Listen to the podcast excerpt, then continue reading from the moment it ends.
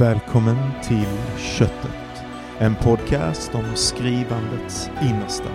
Om muskler och märg. Det här är en podcast av Författarskolan vid Lunds universitet. Medverkar gör Anna-Klara Törnqvist, konstnärlig lektor. Och jag, Johan Claesson. Hej Johan! Hej! Fint att vara tillbaks här. Fint att vara tillbaka. Eller vi är inte tillbaks egentligen utan nu har vi förflyttat oss till Språk och litteraturcentrum. Just det, förra avsnittet satt vi i din eh, lägenhet. Ja, Mysigt. mysigt. Men det är mindre djur och fler böcker här. Mm. Ja, det är skönt. Det känns, eh, vi är ett väldigt stämningsfull, eller ganska stämningsfull lokal. Här är Ja. liksom någon, någon tavla och sådär. Men, det, men mycket böcker och grejer så Mm. det känns passande. Det känns väldigt lämpligt. Mm. Ehm, vi har ju en ny gäst idag som jag tänkte presentera här. Ja, Då gör jag det. Gör och det är Henrik Pettersson. Hallå, hallå. Varmt välkommen. Tack. Eh, du är jättemånga saker, men du är kanske framförallt författare. Du är också utbildad skrivpedagog och har ju varit gästlärare på Författarskolan, både som handledare och ja, med undervisning. Eh, du har själv gått på Författarskolan. Du är verksam som redaktör och manusutvecklare. Det kanske vi kan återkomma till på ganska nya Kraxa förlag. Yes. Eh, Du har också en egen podd, så det här är ju sådär fint inslag att vi poddar brukar ju så bjuda in, man gästar andra poddar. Så nu får du gästa vår podd här då. Ja, det är så underbart. Eh, men annars kan man då höra dig i Storysyndromet tillsammans med Kristina Hård. Det kom ett nytt avsnitt idag. Japp, Vad det, heter det? eh, det heter Vad händer med Kraxa? Just Och Kraxa är ju bokförlaget precis. som jag har med Kristina Hård. Mm. Mm. Eh, och du debuterade faktiskt för ganska länge sedan, 2008 Mm. om jag läst på rätt, Mm. med Jehovas djävulen. Yes. Som jag läste då, då visste jag inte vem du var. Vi känner inte varandra Nej, då. men det var en, en stark läsupplevelse. Ja. Eh, men sen har du också förflyttat dig till barnlitteraturen. Mm. Så 2020 kom Var är Bennys ugglor? Det kan vi också återkomma till. Var är de? Ja. Eh, men vi har en sån här uppvärmningsgrej, jag och Johan, Just det. för våra gäster. Vill du? Nej men nu är du, du är så Det duktig på... Jag är så duktig. Ja. Ja, men, men jag kan inte säga rår... Jag kan inte säga det. Aha, okej. Ja. Så här då. Eh, Rårsa. vår podcast heter ju Köttet. Mm. Och eh, vi har skojat om att det är kanske ett lite ovanligt namn för en skrivpodd, eller inte det mest uppenbara. Och så har vi tänkt att vi har någon sån här Rorschach-test med våra gäster. Ja. Du vet när man ser en inkblott. så. Absolut, jag är Ja, med. Jag är med. Så när, i relation till skrivandet, när vi säger köttet, vad tänker du på då? Precis. Och nu kör vi igång helt enkelt. Ja. Nu. Nu, nu är testet igång. Nu är testet igång. Nej, men det är en Ja, uppvärmning. alltså jag ser en stor, jättestor apelsin. och, och jag vet inte varför, men det är ju så testet är, eller hur? Ja, ja, visst, absolut. Är du vegetarian? Jag är inte vegetarian. Nej. När jag debuterade var jag vegetarian. Mm. Så tänk om det är någonting som lever kvar från Just det, liksom, när, jag lärde, när, jag, när jag lärde känna skrivandet. Mm. Så var jag vegetarian. Så det här är säkert något freudianskt. Mm. Mhm. Men, men jag tänker mig, och så tänker jag mig köttet, fruktköttet. Ja. Just Och, det. ja, och det. Och det kan vara så sjukt underbart härligt om man får en sån här vid jultid, en riktigt söt fyllig apelsin. Just det. Så man vill bara liksom mosa Just det, ansiktet. ja, du är med mig? Visst, visst, ja, ja. Och det ser, jag, det ser jag framför mig. Så jag ser inte riktigt, alltså jag älskar hamburgare Ja. eh, också, men det är inte det jag ser. Nej, ditt skrivande är en apelsin. Ja, jag vill stoppa Ingen huvudet i en hamburgare. apelsin. Spännande.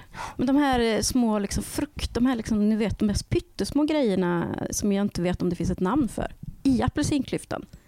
De här som man, Ja, de som fli, Ja. flikar sig sådär. Ja. lite grann. vad är det? Är det, är det alla ord? Det här är, det är Lunds universitets främste eh, fruktpodd. Ja. Nej, men vi Men det är släpper, alla ord ja. Så vi släpper apelsinen så länge och kanske får eh, komma tillbaka till den, tänker jag. Eh, vi får känna på den, höll jag på säga. Mm. Känna på apelsinen. Eh, vi tänker oss att vi i den här podden kretsar kring skrivprocess på olika sätt. Och jag tänker för dig så har, har du liksom två, minst, eh, facetter på det. Du har din egen skrivprocess, det som är, kommer liksom inifrån dig och det, det, de processer du har gått igenom och är i.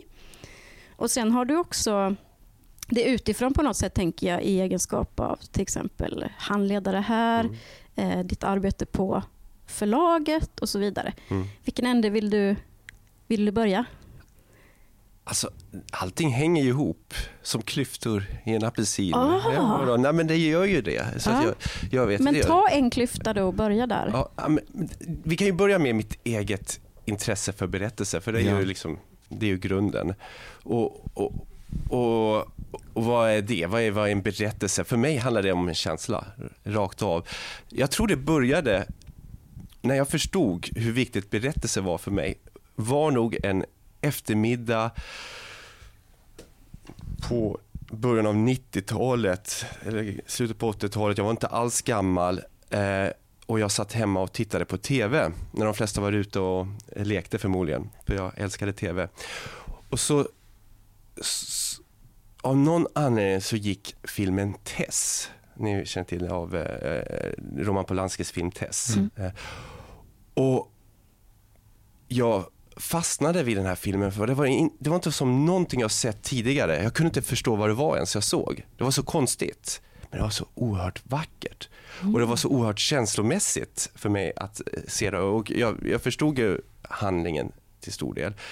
Men det som jag kommer ihåg, det var det jag såg eh, hette huvudrollsinnehavaren? Ja. Nej, men jag såg henne, eh, när Tess då går på en åker med sin vita klänning som blir förstörd eh, av leran och det är dimma och det är tjockt och vackert och, och jag bara, jag var såld. Jag, jag, fattar inte vad det är jag ser men, men, men det här är en resa någonstans som, eh, som jag vill vara med på. Okej. Och, och sen där har det nog börjat. Sen har jag liksom försökt hitta de här berättelserna. Och jag, jag vet att nu när jag står här och berättar det här, det låter jätteflummigt. Ja.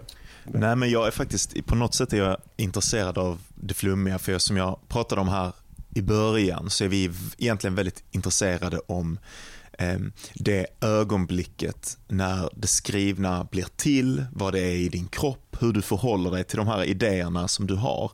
Men du, eh, för att komma dit tänker jag ändå, för du har eh, tänkt mycket på vad en berättelse är, upplever jag från att ha lyssnat på din din eh, podcast, Storysyndromet. Liksom. Så förutom en känsla, du, det är någonting med struktur också. Hur kopplar struktur, som är nästan ett tekniskt begrepp, Ja. och känsla samman i din värld?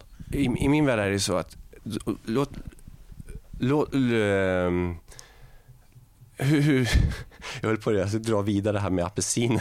Ja, men gör det. Gör det, men, Det är en berättelse till Ja. exempel. ja, men eh, man kan ju alltid trycka i sig apelsinen rakt upp och ner. Visst. Ja, men man kan också sitta och, och liksom eh, ta det lite lugnt och ta Mm. det bit för bit. Man kan dela upp den i klyftor Mm. och, och, och, och, och, och riva av ni vet, sådär, en bit av Mhm. frukt. Och, sådär. och det är struktur för mig. Struktur för mig är att på något sätt organisera upp Mm allt det kaoset som, eh, som man möter eh, som människa. Eh, eh, en berättelse är eh, ett kaos till den på något sätt ordnas upp så att jag kan ta emot den och förstå. Sen kan den beskriva ett kaos. Men jag behöver på något sätt kanske redskap. Kniv och gaffel är för mig struktur, kan man säga. Och eh, hur, hur känner man igen, till exempel, vad skulle, är det någon skillnad för dig? Är alla, säg tryckta prosaböcker som utger sig för att vara skönlitteratur berättelser? Eller är berättelse mer som, vilken grad av organisation krävs för att det ska gå in i berättelsevärlden och när är det bara en estetisk upplevelse Ja. i förhållande till text av något annat Ja, slag? men det där är en rätt intressant fråga faktiskt. Eh, och visst, i grunden så, så tror jag ju att det är du själv som avgör vad som är en berättelse. Mm. Eh, tavlorna vi har på väggen här är förmodligen mer berättelser just nu än böckerna som vi ser ryggarna på. För där ser vi ju någonting Mhm. och då börjar vi skriva i vårt huvud. Vem Där är... en människa. Ja, Så det har någon relevans till att vi kan känna igen det där som en person som vi Ja. kan föreställa oss Ja. någonting från. Ja, och, och jag börjar tänka genast, liksom, eh, jag börjar titta hur han ser ut, blicken i hans ögon, så börjar jag tänka, hur, hur ser en söndag eftermiddag ut? Eller hur såg en söndags eftermiddag ut för den här mannen. Till exempel. Och då började jag skriva historien. Just det. Ja, men då hittar ju jag på allting själv. det. Ja, men det är fortfarande på så sätt en berättelse. Men- Medan de böckerna som är här i det här massiva biblioteket vi ändå befinner oss i, de har eh, en berättelse av något slag, även om Mm. det kanske är facklitteratur, som de presenterar. Men nu måste jag, för det har ju varit en, en minidebatt, jag vet inte om ni har läst, det var Gunnar Nirstedt som skrev eh, i DN tror jag, eh, till som skönlitteraturens försvar. Ja. Alltså han tyckte att allting marknads... Han har ju, har ju Nirstedt förlag. Och Han tyckte att allting marknadsfördes som berättelser. Han ville inte syssla med berättelser, han ville syssla med litteratur. Och så tog han upp eh, eh, Tishys Eländet som exempel på någonting som är litteratur men kanske inte en berättelse. Är det någonting du har liksom funderat på? Är det, är det någon skillnad eller det där sammanfaller för dig? För mig sammanfaller det. Mm. Eh, jag, jag tycker att överhuvudtaget börja dra upp gränsdragningar och så vidare, det, det, Mm. det förlorar syftet helt för mig. Mm. Vad är det? Vad är det ena eller vad är det andra? Mm. Liksom? Det, det, det spelar ingen roll. En berättelse, eh, ja, det, det är det som jag brukade säga till min dotter liksom, när vi satt i bilen och lyssnade på en låt. Det här är sanningen just nu, det som händer i den låten. Mm. Det, är det, det är det som är sanningen just nu. Under tre minuter så befinner vi oss i den här världen, där. Mm. Det är vår, vårt universum. Jag vet inte om hon var Hur gammal var hon då? Ja, men du vet, så här, sju, åtta år kanske. Det kommer vara hennes sånt trauma som Ja, hon då. kommer gå i. Och jag, så fort jag öppnar min mun så säger hon tyst pappa. Det, ja, men men, men att, att det, är, det, är, det är så på riktigt. Och, och, och, och, och det är väl... Men någonting måste ju vara lite mer, säg en, ett gott berättande eller en god berättelse än någonting annat. För du jobbar ju ändå med att hjälpa andra att känna igen var den riktiga berättelsen i deras stoff är någonstans eller vad den skulle kunna vara. Just det. Men, det- men det är det du sa, sa ju, att eh, deras berättelse, för mig har det alltid varit om en person skriver och vill skriva någonting, vill berätta Mm. något. Då har min uppgift alltid varit att hur kan jag hjälpa den här personen att berätta det här så att andra hör den historien Mm. som den vill berätta. Och vad är det du tittar efter då? Jag lär ju känna personen. Ja, jag, jag, jag, jag, eh, jag försöker känna av ett sätt. Det, det enklaste sättet är att börja fråga, börja prata om litteratur. För det, är- Just det. vad, vad läser du? Vad, vad, vad vill du ge mig för ett lästips? Eh, när, jag jobbat, när jag jobbade som handledare här så, så började ju alla eh, samtal med men vilka böcker tycker du jag ska läsa nu när vi sätter igång? Eh, Mhm, Och så- för att förstå deras, liksom, de som ingång till deras skrivande. till deras skrivande. Hur Ja, de, spännande. sen behöver inte det vara så att de eh, skriver, för vi har ju liksom, vi gillar ju böcker och berättare som inte skriver som oss själva. Mm. Ja, men, ja. men lite grann om hur vi vill, vad vi vill Mm. åstadkomma med Mm, vårt, vårt skrivande. Ja. För en berättelse är en berättelse i, på något sätt också i förhållande till vad den vill vara. Ja. Alltså så här i förhållande till sitt meddelande. Mm. Alltså att någonting skulle kunna vara misslyckat som ett berätta, en berättelse i förhållande till dess oförmåga att säga eller gestalta det skeendet som du försöker gestalta. Nu tittar? Henrik och jag på varandra. vi, vi försöker haka på men vi vet inte vad vi ska nej, säga. Nej, det var, det var liksom på Johan-nivå. Ja, Okej, inte- jag, ska, jag släpper den grejen. Men det, jag tror att det, det, um, Men jag, jag, jag tror inte det är riktigt det du menar. Men jag, jag sitter hela tiden och tänker på alltså man, alltså innehåll och form. Då, berättelsen och berättelsens form. Hur, hur, hur, för, alltså hur tänker du kring det då? Eh, Alltså om vi, om vi går in på det här spåret att litteratur, alltså det han menar var att litteratur är också väldigt mycket form Mm. helt enkelt. Det ska inte bara vara att sälja, han menar liksom, vi säljer berättelser som folk vill konsumera. ja. Men litteratur kan vara så mycket mer. ja, Hur tänker du att liksom språk och form och stil och så förhåller sig då till... Mm. Men jag är, ställer mig nog där på hans sida. Mm. Eh, eh, för att eh, det som jag brukar lyfta, alla som känner mig eller som har stött på mig till exempel när jag har gästföreläst här på Författarskolan vet ju att jag pratar om Helle Helle. Mm. Det, och, och, och det är för att hon lyckas ju skriva böcker som dels kan provocera väldigt många och säga att det här är ingen berättelse. Mm. Det här är, det här, det är ingenting som händer här. Men ändå så är vi många som fascineras av hennes berättelser, som älskar det hon skriver. Och, och jag minns ju när jag läste eh, Röber Puttgarden, jag, jag sa men vad är det jag läser egentligen? Mm. Alltså det, det är en helt vanlig vardagshistoria, men varför bultar mitt hjärta? Mm. Va- varför, varför är jag lite grann så, varför kan jag inte släppa boken? Och där har vi det jag vill åt. Liksom, hur kommer man åt att Har du ett svar på det? Varför? Har du en teori? Vad är det som når dig där? Teoretiskt så har jag säkert ett svar. Ja, men teore, alltså teoretiskt. Men, Ja, ja, men jag har ju så här, oh, det beror på att hon lämnar eh, saker mellan raderna och författ- läsaren skriver boken lika mycket som författaren och sånt där. Det skulle kunna vara ett svar. Men jag skulle vilja hävda att det är ju svårt om man nu är en skrivande människa och bara, ja, men nu ska jag skriva en berättelse med isbergstekniken här. Eller nu ska jag skriva som Helle Helle eller Hemingway eller sådär. Är det osagda mer viktigt för en berättelse än för andra texter? Ja, men vad är det osagda? Ja. Det är det som är så svårt. Vad lämnar man ute? Och där kräv, det, är det, som, det är det som kommer alltid vara min jakt eh, i det egna skrivandet också. Att veta vad kan jag lämna utanför? Och när det gäller Helle Helle, ja, jag vet inte. Okej, jag, vill, jag vill egentligen veta också mer om Helle Helle, men jag tänker också att jag, när du säger det Eh, med det osagda i förhållande till ditt eget skrivande, när du sitter och producerar text, är du medveten om det som ska skrivas innan du skriver det så att det finns en filtreringsprocess där eller sker filtreringsprocessen senare eller när, när börjar sållandet mellan det osagda och det sagda att ske för dig? För mig sker det efteråt och jag tror det är viktigt. Eller nej, det är en lögn. det sker innan. För att någonstans i huvudet där det stormar det ju runt alla saker man vill skriva. Du har en, en, en delvis färdig berättelse när du börjar sätta dig vid... Jag har en känsla ja, Okej. som man skriver sig fram till. Mhm. Och då, då, men då har ju sållning, då har ju avskärmandet redan börjat. Jag ska skriva om det här, liksom, Visst. ja, den här personen som, som ja, folk gärna trampar på. Där blir nästan hela världen osagd redan i det beslutet. när du börjar göra det. Ja, ja, och så skär vi av och så börjar jag skriva. Och sen så eh, skriver man och skriver och skriver och skriver. Och så, så tittar man sen på vad man har skrivit.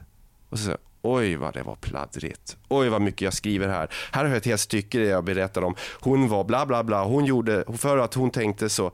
Det där är ju instruktioner till mig. Mhm. De där ska inte läsarna ha. Mm. Så då tar jag det partiet, lyfter ut det ur texten och där börjar då sållningen, eller redigering kan man säga. Och så tittar jag på det som jag har skrivit där som, som sceninstruktioner eller eh, så, som någonting som jag kan använda sen. Och då går jag tillbaks. Mm. Hänger ni med? Ja, det är spännande. Jag tänkte så här, nu back- backar jag lite grann, men om, om jag och Johan skulle handleda dig nu Mm. och, och skulle ställa den frågan du brukar inleda med då, då förstår jag, Helle Helle är en sån du skulle be oss att läsa Ja. för att kunna handleda dig. Vad, vad finns det mer för böcker vi skulle läsa? Alltså, just nu läser jag rätt mycket Stig Trente Mm. Mhm. faktiskt. Har det med ditt nuvarande projekt Nej. att göra? Nej. Nej. Stig Trente var egentligen den som fick mig att börja läsa Så. böcker överhuvudtaget. Så att det, det är lite mer nostalgi jag läser det. Eh, och, och, och, och det är väl den här miljön och stämningen med Harry Friberg. Min son Mm. heter Harry för övrigt. Just Som, som är från Harry Martinsson och Harry Friberg.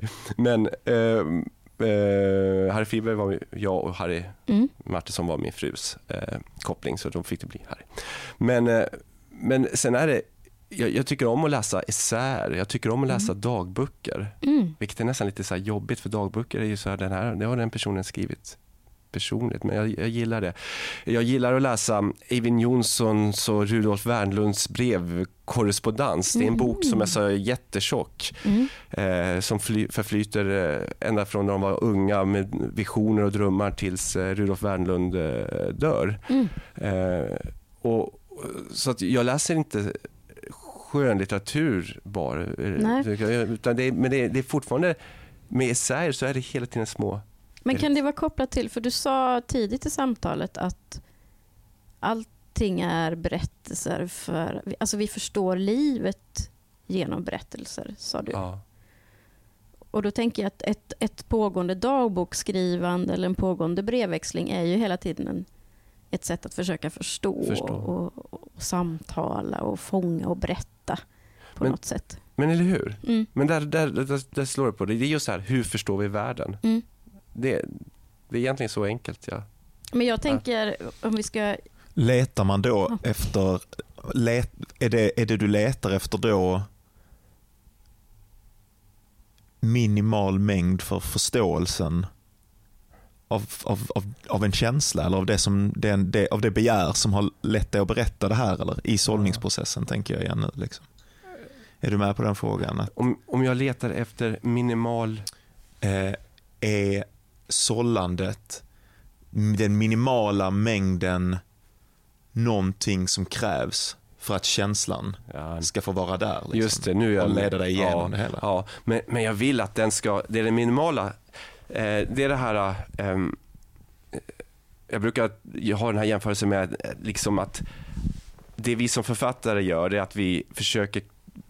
Vi har en värld som är kaos.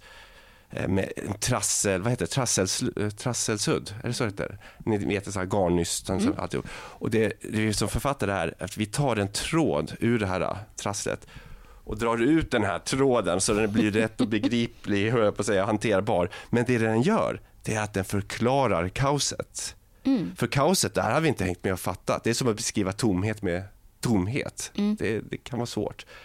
Men, men, men med hjälp av den här tråden Mm. så kan vi beskriva kaoset. Tråden är det ordnade helt enkelt. Ja. Hänger ni med? Vi, fångar, vi fångar någon del av Ja. ett, ett faktiskt mönster. Ja. Så det är inte tråden man pratar om här, utan man pratar om hela garnnystanet. Ja, ja, visst.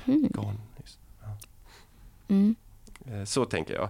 Så därför tycker jag att eh, Ja, men eh, om man tittar in på den, ser den här, i tav, jag tittar på tavlan igen, den här mannen som sitter där vid sitt skrivbord, ser hans ögon, så är det ju ögonen som för mig blir ingången då i.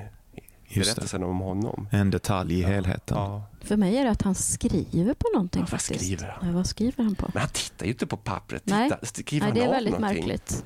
Se, ser Ja. han där, det står någon och Ja. håller upp en Sitter alltså i ett rum på Språklitteraturcentrum. Det är någon som plötsligt har sprungit in till honom och så Ja. är det ett- fototillfälle och bara nu målar jag. Så är han så illa tvungen att posera.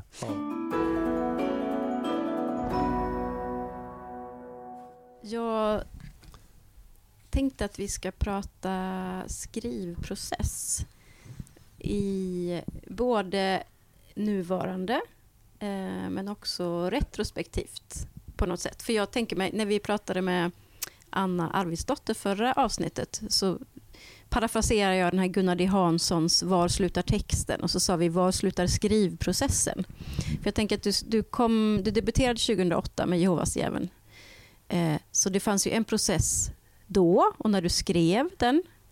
Eh, och sen tänker jag att du har möjlighet att titta tillbaka på den processen och så. Vad, vad får du syn på och hur var det och hur tänker du nu kring den processen? Ja, alltså det var, det var en jätterörig process. För att för mig handlade det där om att dels lära känna mig själv som en skrivande människa. Mm. För det, det hade jag inte gjort. Jag hade inte skrivit någonting egentligen fick, eh, skönlitterärt innan jag började på författarskolan. Jag hade inte skrivit så mycket annat heller för den delen. Utan liksom, jag hade en idé om att jag ville jobba med film. Mm. Men inte kanske skriva manus. Men sakta började det komma på. Eh, Och jag hade, en, jag hade gått en praktisk filmkurs på Malmö högskola. Där vi skulle presentera en kortfilmsidé för varandra, Mm. pitcha och så vidare. Och jag, sög och suger på pitcha och så vidare. Mm, Så givetvis var det, en, det blev ingenting av den idén. Det var förmodligen kanske en dålig idé också. Jag kan ju skylla på att jag var dålig på att pitcha men förmodligen var det bara en dålig idé. Men okej. Men jag, eh, jag, det jag gjorde då var istället att när jag hörde, när jag hörde talas om att författarskolan fanns, tänkte jag men det, det, det kanske kan vara någonting för mig att, Mm. att eh, söka in till. Eh, skriva och få studiebidrag. Liksom. Mm. Det, det var, vilken möjlighet, Mm. det måste jag ändå ta. Så eh,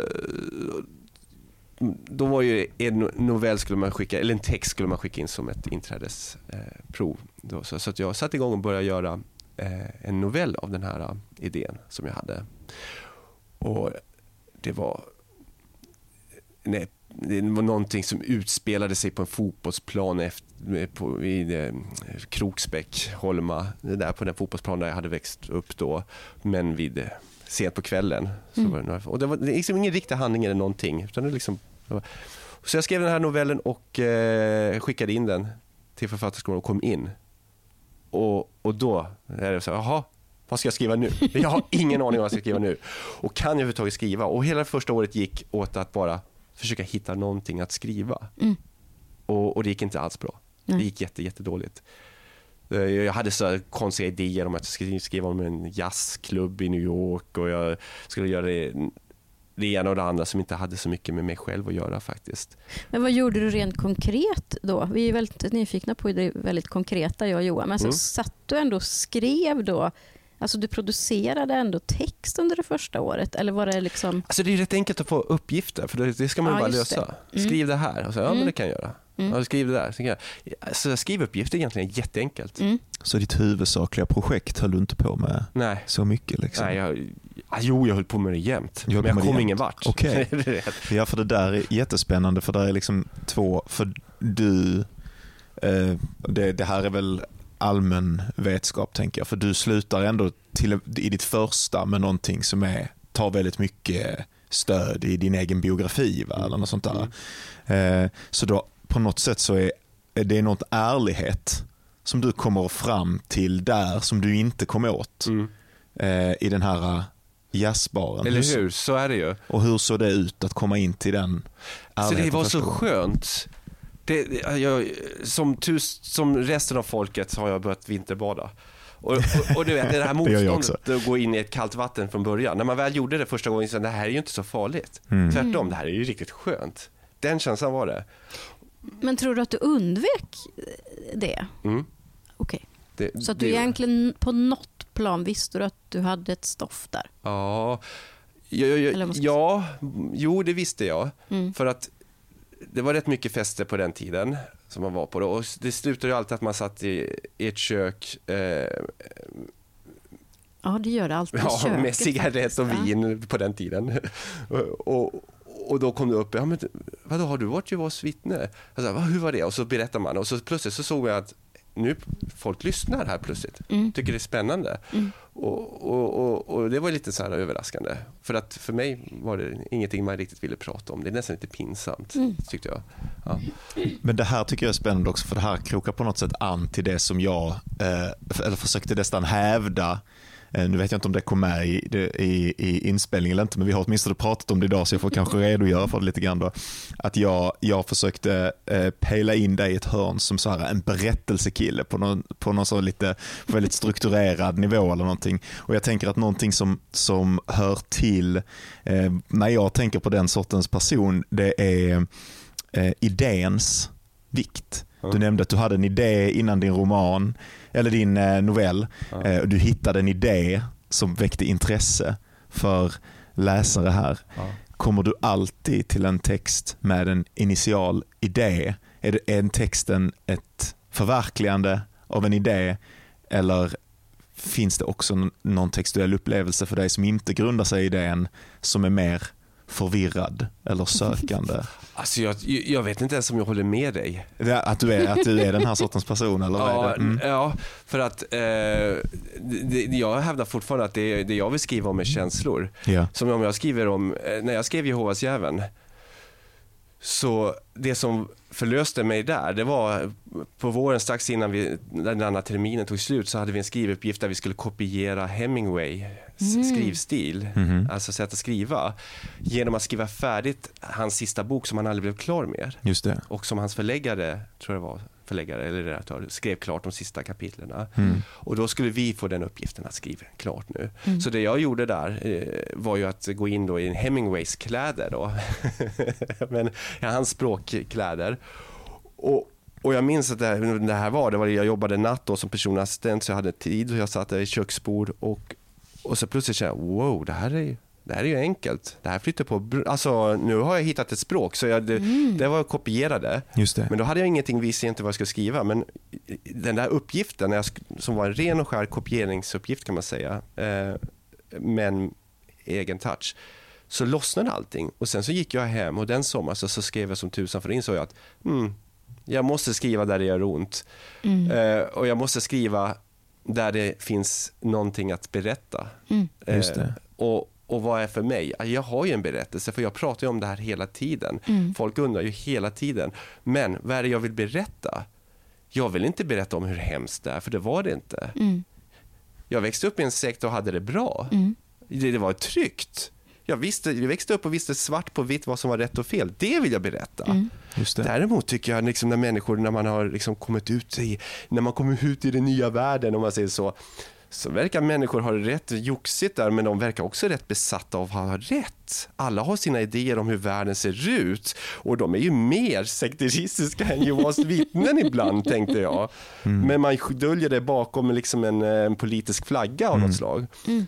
Och där kom viljan att vi skriva Jehovasjäveln.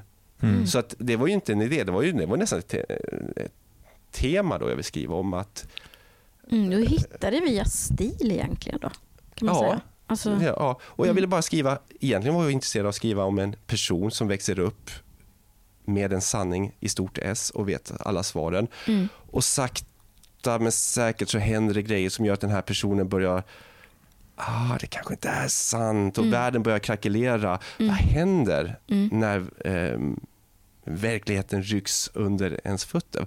Hur, hur, hur tar sig en sån person Mm. ut ur det här? Så att jag ville gå in i en person som jag hade erfarenhet av att vara, Mm. men det var inte jag. Nej. Utan jag ville forska ännu mer i det. Vad händer när man kommer ut Mm. i friheten? Så att eh, det, för mig blev det liksom ett projekt att lä- lära känna en karaktär som i det här fallet hette Jens. Mm. Och hur såg det ut i din resa från det här skrivandet, vi säger att du sätter igång det eh, andra året på författarskolan. Liksom. Hur såg det ut från dina trevande försök av att lära känna den här personen till eh, romanen som relativt liksom, strukturerad? Eller som, som strukturerad, liksom, som lite filmisk som jag minns den. Liksom, att du, Ja. har, du har den sortens eh, narrativstruktur. Liksom. Ja, okej. ja, men det, det var nog, där, där hade jag nog den här filmiska känslan av att det skulle vara en straight story på något vis. Mm. Men det hade jag också en tanke kring att den här personen har vuxit upp med TV. Just Det det. var hans fönster till världen och kunskapen. Just det. Så jag försökte få med det här liksom att hur, hur uttrycker sig en person som inte har läst en massa böcker? Just det.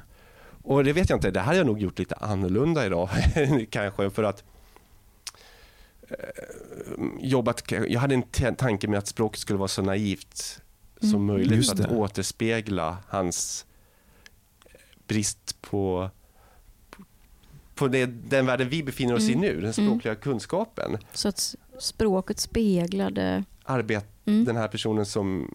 Så jag försökte hitta där och, jag, och, och det tror jag kanske har kommit bort lite grann, just den biten. Att det finns, fanns en anledning till att jag ville vara, göra en väldigt naivistisk... Mm. Eh, Men det här är ju jättespännande för nu är vi, ju, nu är vi inne i det här som jag var nyfiken på, skrivprocess retrospektivt på något sätt. För nu sa du precis, vi kanske skulle ha gjort det, alltså, vi kanske skulle ha gjort annorlunda idag. ja. Och det är ju intressant för det kopplar ju egentligen inte, alltså det kopplar både till ett nu och ett då. För när du säger det så har du ju ändå Jehovas jäveln i åtanke. Ja. Att du skulle på något sätt skriva om den.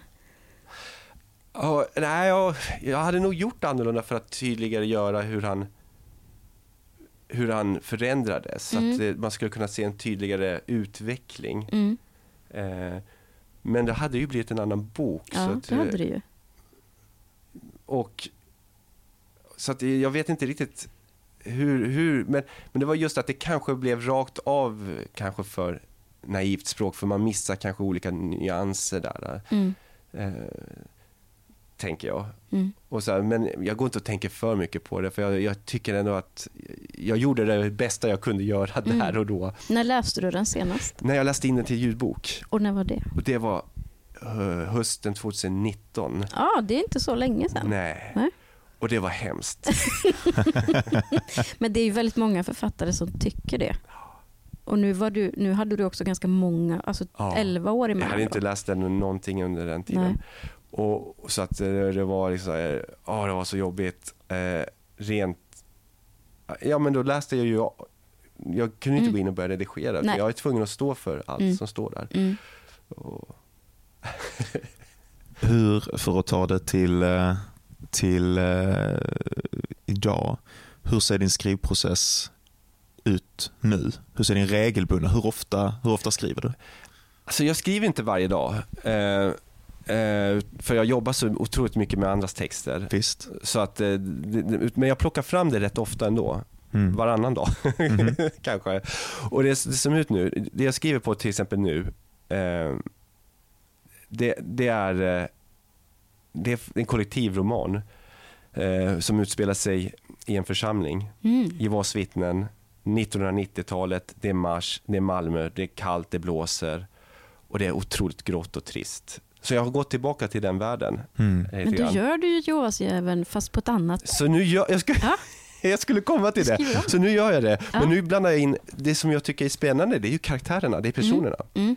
Så, så jag vill lära känna de här personerna. Mm. Och, och det var det som gjorde att jag inte, Jens Jehovasjäveln inte är mig. Nej, jag det är förstår. inte jag, för att det hade ju blivit rätt tråkigt, för jag är en mm. rätt tråkig person. Mm. Det är mycket roligare att se liksom hur, hur den här personen har det. Men det är klart, för den första, den, den är ju väldigt centrerad kring Jens och mm. hans upplevelser av ja. tillvaron. Så att nu har du flyttat från individ till kollektiv. Ja. Ja, Men jag går in till de olika individerna i en församling. Mm. Och det gör jag för att det här bygger på samma sätt som jag byggde upp. Tanken med Jehovas jäveln var ju att berätta för människor att eller, ha den här tematiska punkten att att bara för att man, det, är inte, det behöver inte vara hemskt att vara med i en sekt. Nej. det finns en annan sida. Mm. Och, och likadant är det nu, kan jag känna, att jag vill skriva varför skriver inga böcker om människor som är med i en, i en sekt, men deras bekymmer, mm. deras heller-heller-liv om ni förstår ja, vad jag menar, visst. vardag. Mm. Men där vi tvistar till det, där, där vi skapar en, ett utrymme för dem att vara i som begränsas mm. på olika sätt. Mm. Där homosexualitet är fel, eller mm. onani. Mm. Ja, men plötsligt så blir det liksom, mm. har vi någonting att arbeta mot. Mm. Men även, även andra saker som är mer, man har en, en övervakning på, som påminner om ett gamla bysamhället. Men jag vill göra det, återigen, på något sätt med kärlek för människorna. Mm, jag förstår. Ja, och gå in i de här människorna och, och deras liv och deras bekymmer. Så nu, nu, jag har ju tänkt tillbaka på de människorna som jag har växt upp med och se, låtit det vara ett frö mm. och sen försökt lära känna men... Får, jag, får jag fråga då, eh, för att nu, det är återigen, liksom så här, jag tycker det är särskilt spännande med det här nästan materiella, med hur det där ser ut. Ja. Alltså hur du har flera karaktärer nu. Är de organiserade enbart i dokumentet? Eller har du, eh, sätter du upp någon slags schema för dig själva? Ska jag berätta för dig att jag, det här har aldrig hänt för men jag har ett Excel-dokument där jag har liksom, eh, eh, där jag katalogiserar dem okay. faktiskt. Men det är inte så jag lär känna dem, utan det jag lär känna dem det är att jag, jag, jag, jag, jag umgås med dem. Jag, jag springer nästan dagligen Eh, och då, då, brukar jag liksom använda en stund, inte hela löpturen, men en liten stund, 5-10 minuter, till att bara liksom lära känna den här karaktären, eh, personen, genom att sätta det på olika ställen, platser. Hur reagerar hon i det här sammanhanget? Vad vill hon? Vad har hon, för, okay. vad har hon, för, vad har hon för skor? Varför har hon de skorna på sig? Har du en filmisk fantasi?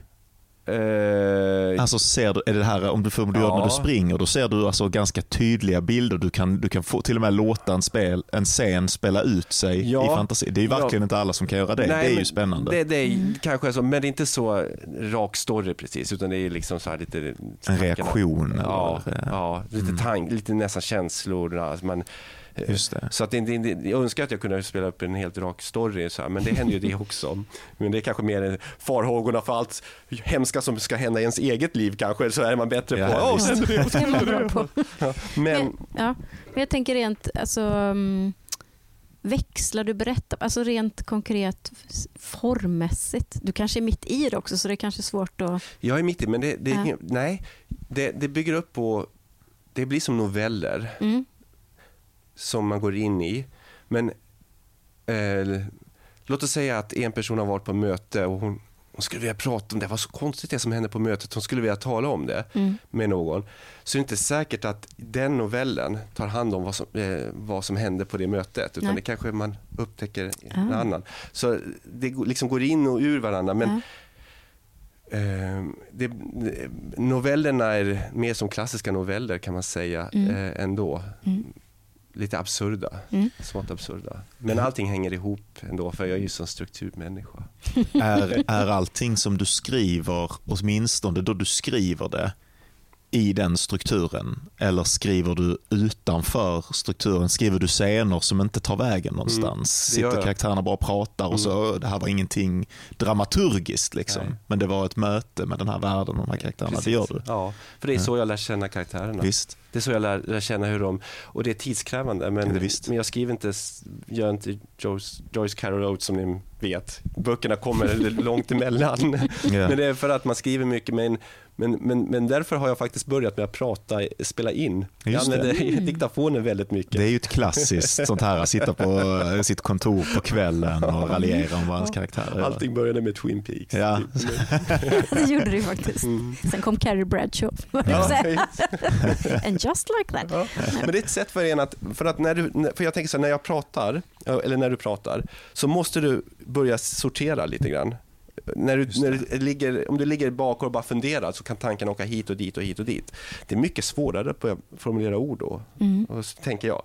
Så att jag, jag pratar och, och det kan kännas eh, lite dumt om folk hittar de här inspelningarna kanske. Och liksom, Men eh, kommer du, skriv, alltså, nu nu ska jag tänka. Du, du, du undervisar ju strukturpass hos oss, så Mm. du har ju blivit liksom Mr Struktur på Författarskolan. Men är det så att skriv, kommer man kunna, ska man läsa novellerna från första pärmen till sista? Eller ska man kunna hoppa in i vilken novell, alltså Mm. flytta sig mellan de här individerna i vilken ordning man vill? Eller finns det en övergripande båge? För- nej. Nej? Inte övergripande. Nej. Jo, det finns en över... I, i, det är församlingen som är på något sätt Mm. huvudpersonen. Mm. Och där finns det kanske en övergripande båge. Men egentligen är det inte så mycket som händer. För det är så med verkligheten också. Mm. Att det är egentligen inte så mycket som händer. Eh, Så man skulle kunna läsa den sista Mm. först om man nu... mm. Ja, om man skulle kunna gå baklänges. Ja. Och, och sen, sen, sen lägger läsaren i sitt huvud ihop, Ja. hoppas jag. Ah, just det, där hände det. Läsaren drar från, ja ni vet som de här punktbilderna, Mm, man drar mm. från, från streck från punkt till punkt. Så i läsarens huvud så bildas strukturen istället. Mm. Det är lite short. Ja, jag är inspirerad av, jag är Ja. faktiskt inspirerad av ehm, Olga Tokarczuk skrev ju också Löparna som hon kallade för en det. konstellationsroman. Det är ju ett bra Ja. begrepp Mm. till Ja, ja, ja. det här att dra, dra precis, streck jättebra. mellan punkterna. Ja. Ja, jag tänk- men, men, Thomas Alfredsson gjorde en film som hette Tic Tac på 90-talet. Just det. Ja, den är jag inspirerad av. Spännande. Ja, men filmen finns där hela tiden. Kom du, var den formen, har du upptäckt den formen i skrivandet? Har du insett att det är så här? Eller, eller kom du in med, hade du idén om den här formen när du började? Eller har du upptäckt den? Jag har upptäckt den. Ja. Det, det, anledningen till att jag ju- vad var det, så, jag har gjort mig ett namn som Mr Struktur. Ja. det är för att eh, jag, jag har haft väldigt mycket kaos i mitt huvud eh, med tankar och så vidare. Så att jag har insett ju att ja, men man måste ju få, få ordning på det här på något sätt. Just det. Koncentration. Mm. Och, och, så, att det, så det börjar ju med att det, liksom, det börjar alltid för mig med en känsla bara. Och sen intresse för någon person. Mm. Och så börjar du söka där Ja. och sen så ser du Ja. någonstans mitt i allt det här kaoset, Ja. okej men här är en tråd. Och för att det ska bli begripligt både för mig och för en läsare så måste man på något sätt skala av saker, tänker jag. Som gör att det, det finns utrymme för den här personen kanske att skriva fler böcker. Alltså den här personen kan uppleva fler saker som blir böcker. Men jag kan inte skriva om allt just nu. Jag måste hitta någonting. Eh, an, annars ja, kan man hålla på i evigheter. Annars blir det som vårt eget liv ju. Mm. Det händer saker hela tiden. Men det finns ingen struktur. Förrän efteråt och då är man död.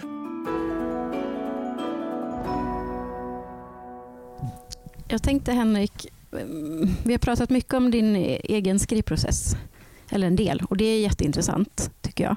Men jag, av lite eget, egoistiskt intresse nästan. Jag tänker vi som är så stor del av andras skrivprocesser hela tiden. Jag är det på Författarskolan Mm. när jag undervisar och handleder. Du gästar oss ibland som handledare men du jobbar också på förlag då med manusutveckling och som redaktör.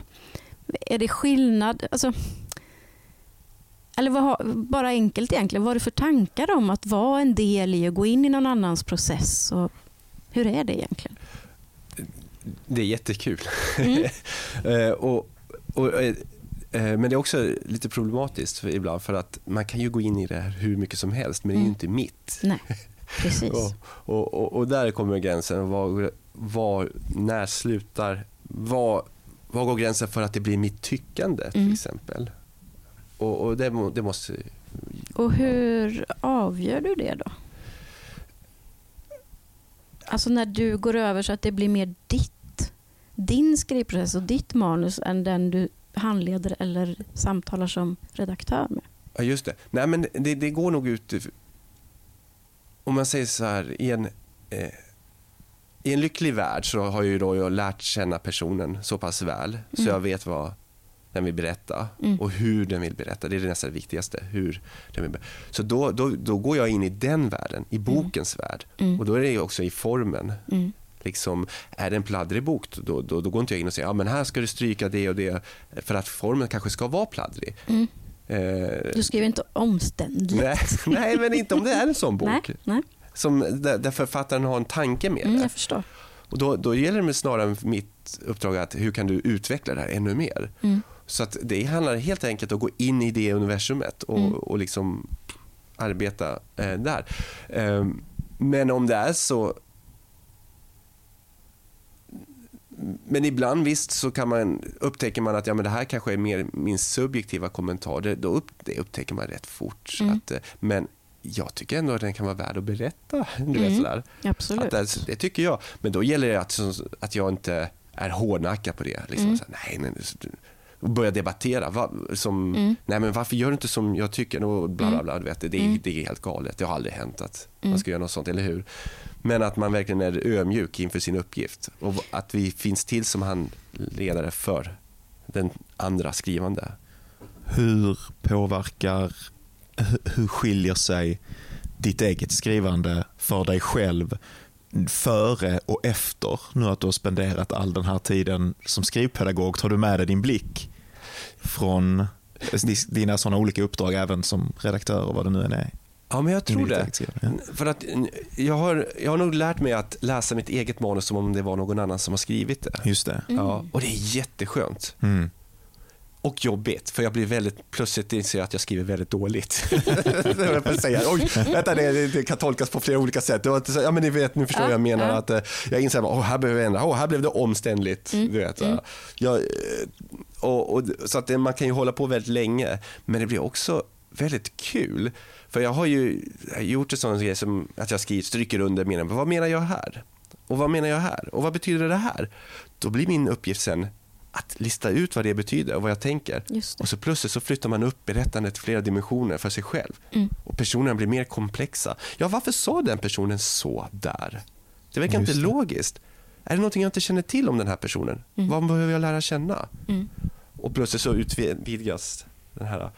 För att det, det, tror jag är viktigt när man själv skriver. Alla skriver att göra alla karaktärer och människor mer komplexa i livet bakom berättelsen. Ja. Så att vi har det med oss, eh, vi som skriver. Eller den som skriver då. Tänker jag. Så, så, Är det, förlåt, men är det en stor skillnad jämfört med när du själv blev handledd när du skrev Jehovas jäveln? Det här med att du, du kan se... Eh, du ställer själv frågorna på något sätt. Är Ja. det, är det, det blir väldigt flummigt märker jag. Är du din egen handledare eller är det någonting annat du gör? Nej, jag är min egen handledare. För det är någonting vi, eller vi, jag, men jag, Carola och Joakim säger till våra studenter att vårt mål på något sätt med att gå författarskolan det är ju att man när man går ut den här tvååriga grundkursen på något sätt har lyckats internalisera så pass mycket så att man faktiskt, för, för till syvende och sist är ju skrivandet en ensam akt. Ja. Men det är jättebra. Mm. Jag tror det är jätte- för, jo, och kunna se på något sätt på sin egen text med den här distansen Mm. som, som en handledare har och, och kunna tolka in sin värld. Jag vill, och det här är också lite så här frågat, eller liksom för eget intresse. Du sa att jag skriver inte varje dag, vilket ju inte jag heller gör. För att jag jobbar så mycket med andras texter, vilket jag också gör. Men kan du känna, alltså var, jag kan känna ibland att jag nästan tror att jag skriver. Ja. Jag Känner där. du igen det? Ja, absolut. Ja. absolut. Men har du 100%. hittat något sätt att förhålla dig till det? Ja, alltså jag höll på att säga löpning och meditation. Ja, det är på Johans linje. Ja, det är på min linje. Men, eh, men det, det ja, låter nästan lite klyschigt det också.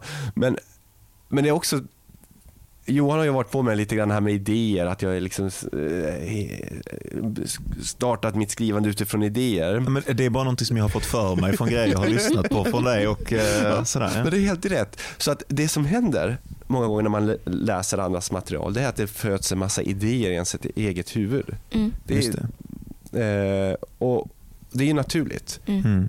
Eh, så att jag samlar väl på idéer som jag kanske inte Mm. skriver, men jag har så många som säkert Mm. lyssnar på det här just nu och som ni Mm. också. Så att man samlar, man skriver ner i någon bok. Mm. Men det, då blir det liksom så här, jag tänkte den här personen och det här händer och hur känner den här då? Hur ska, Och sen får man se vad, om det händer någonting. Mm.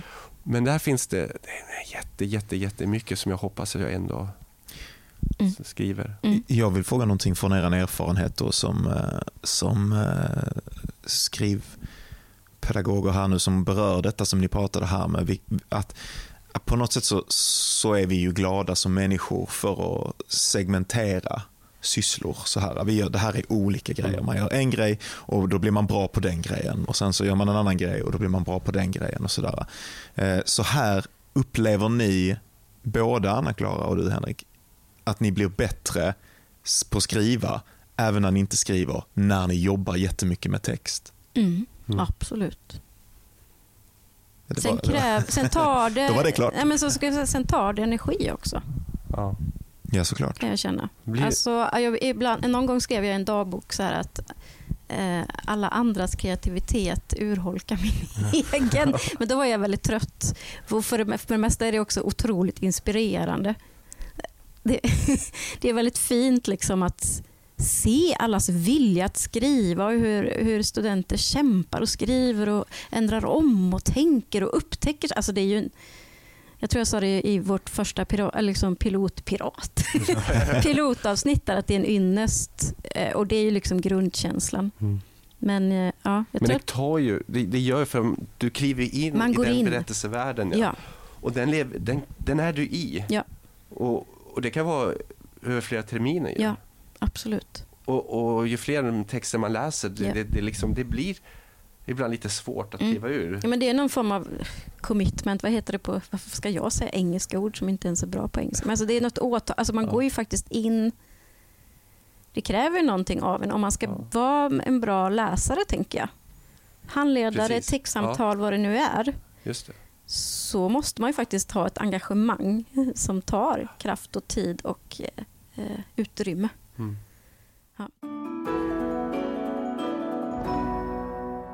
Ja, vi har kanske varit inne på det här lite tidigare, men med, särskilt då med så som din fokus har blivit här på Författarskolan, att du är strukturkillen liksom och eh, ja, men du gör en podcast som åtminstone eh, delvis handlar ganska mycket om att hitta storiesen i världen. Liksom. Det, det är, så det är ändå någon storyfokus och jag kallade din bok eh, liksom att, det, att det fanns någonting filmiskt över den. Det är de här Mm. kurvor och det, du är verkligen intresserad av det här. Eh, Mm. Vad är det som, som väcker känslan som får en att vilja läsa vidare kanske Mm. framförallt.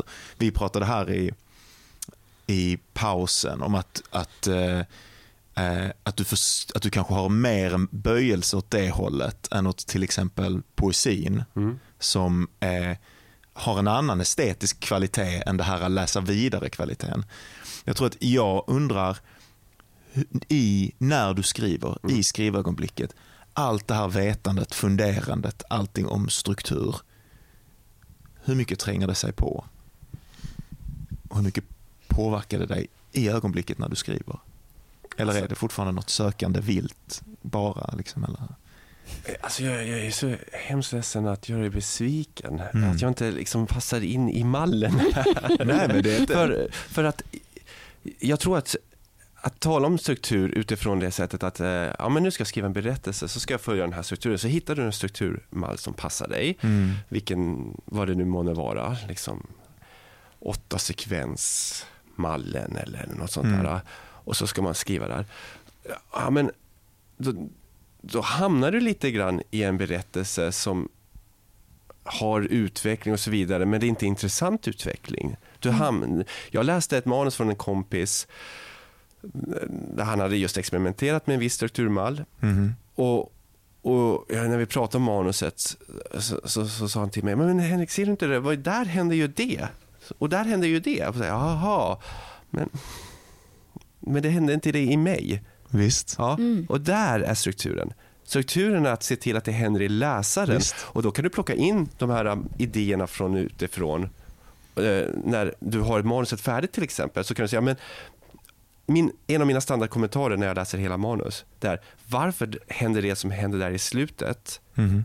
där och inte på sidan 30 istället?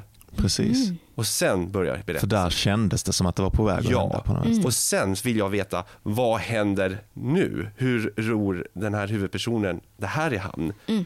Så att jag tror att många som skriver eh, på en skri- börjar utveckla sitt skrivande hade tjänat på att försöka vrida till det några varv till i sitt eget berättande för att utforska eh, sin story mer. Det vill säga att de inte nöjer sig med första att Åh, det, jag ska skri- skriva om en bok där det här händer. Då ska de ta den punkten som den första vändpunkten till exempel Mm. och se, ja men vad händer efter det? Mhm. Mm. och inte skriver sig fram till det. Så där kanske är något svar om struktur Mm. för det, hur jag tänker Mm. att ofta så kommer en, en om vi tar Jehovas djävul, jag vill skriva en bok om en som eh, växer upp som ett Jehovas vittne och sedan så blir han utesluten. Mm. Och vad händer sen? Och så har vi boken slut. Jag tycker snarare det är intressant att ta något annat perspektiv och säga, men hur är livet efter Ja. Ja. uteslutningen? Hur mår personen då? Är allting frid och fröjd då? Var det det som var målet? Nej, det är det inte. Och så Mm. börjar man historien därifrån till exempel. Ehm, att, ja, Och det hittar du, får du, får du syn på det i det du har skrivit så att säga. ja, för jag märker ju liksom att ja, men den här eh, slutet som jag bygger upp till när jag har skrivit, läst den här berättelsen, att det är inte, det är inte så spännande. Men här är någonting annat. Ja.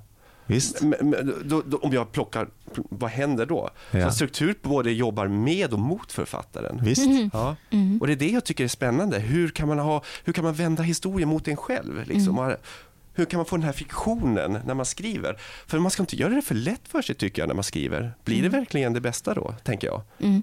Eh, Och ibland kan man ju känna, eller det har jag känt i mitt eget skrivande i alla fall och det är därför, du gör mig absolut inte besviken. Det är precis den här sortens svar jag hoppas på. Jag bara kastar ut någonting, du får jättegärna säga emot mig, det är det jag letar efter. Ehm, därför att man kan ju ofta känna eh, berättel, eller strukturaningens tyranni, Ja. eller vad vi skulle kunna kalla det. Får man verkligen lov att göra så här? Om jag går nu dit där mitt begär pekar, då Ja. bryter jag mot det jag trodde att jag höll på att göra. ja. Men du är, och det tror jag också, du har också sett det här att men det är precis dit man måste, gå. Ja, men, jag nämnt eh, Chuck Palahniuk tidigare. Mhm. Eh, han var ju med i en skrivargrupp som hette, där de använde sig av dangerous writing. Visst. kallar de det för. Och det var för att gå dit där det gör ont. Ja, visst. Gå dit där det liksom bränner och sedan rota det runt lite där. Mm. Det är inte det som är målet. Eh, att berätta om det som gör ont. Målet är bortom det Ja. Mm. på något sätt. Men det är bara där, det är bara dit där någonting är. Och det är samma sak som vi sa med Anna, det är ju där man hittar något som är extremt angeläget och nära. Ja, Och wow, vad är det här för någonting? ja, vad är det här? Jag kan inte värja mig från det fast det förstör allting jag Ja, hittills har det, gjort. det förstör allt. Och, och där har jag ju där har ju jag eh, hjälp med för strukturen. Okej. Jag tror att det var, Mm. blev ett bra avslut. Jag tänker vi ska säga tack också. Tack så jättemycket. Det är en bra struktur. Ja, jätteroligt Ja. att få vara här. Tack så mycket för att du kom. tankar. Tack. Ja. Ja.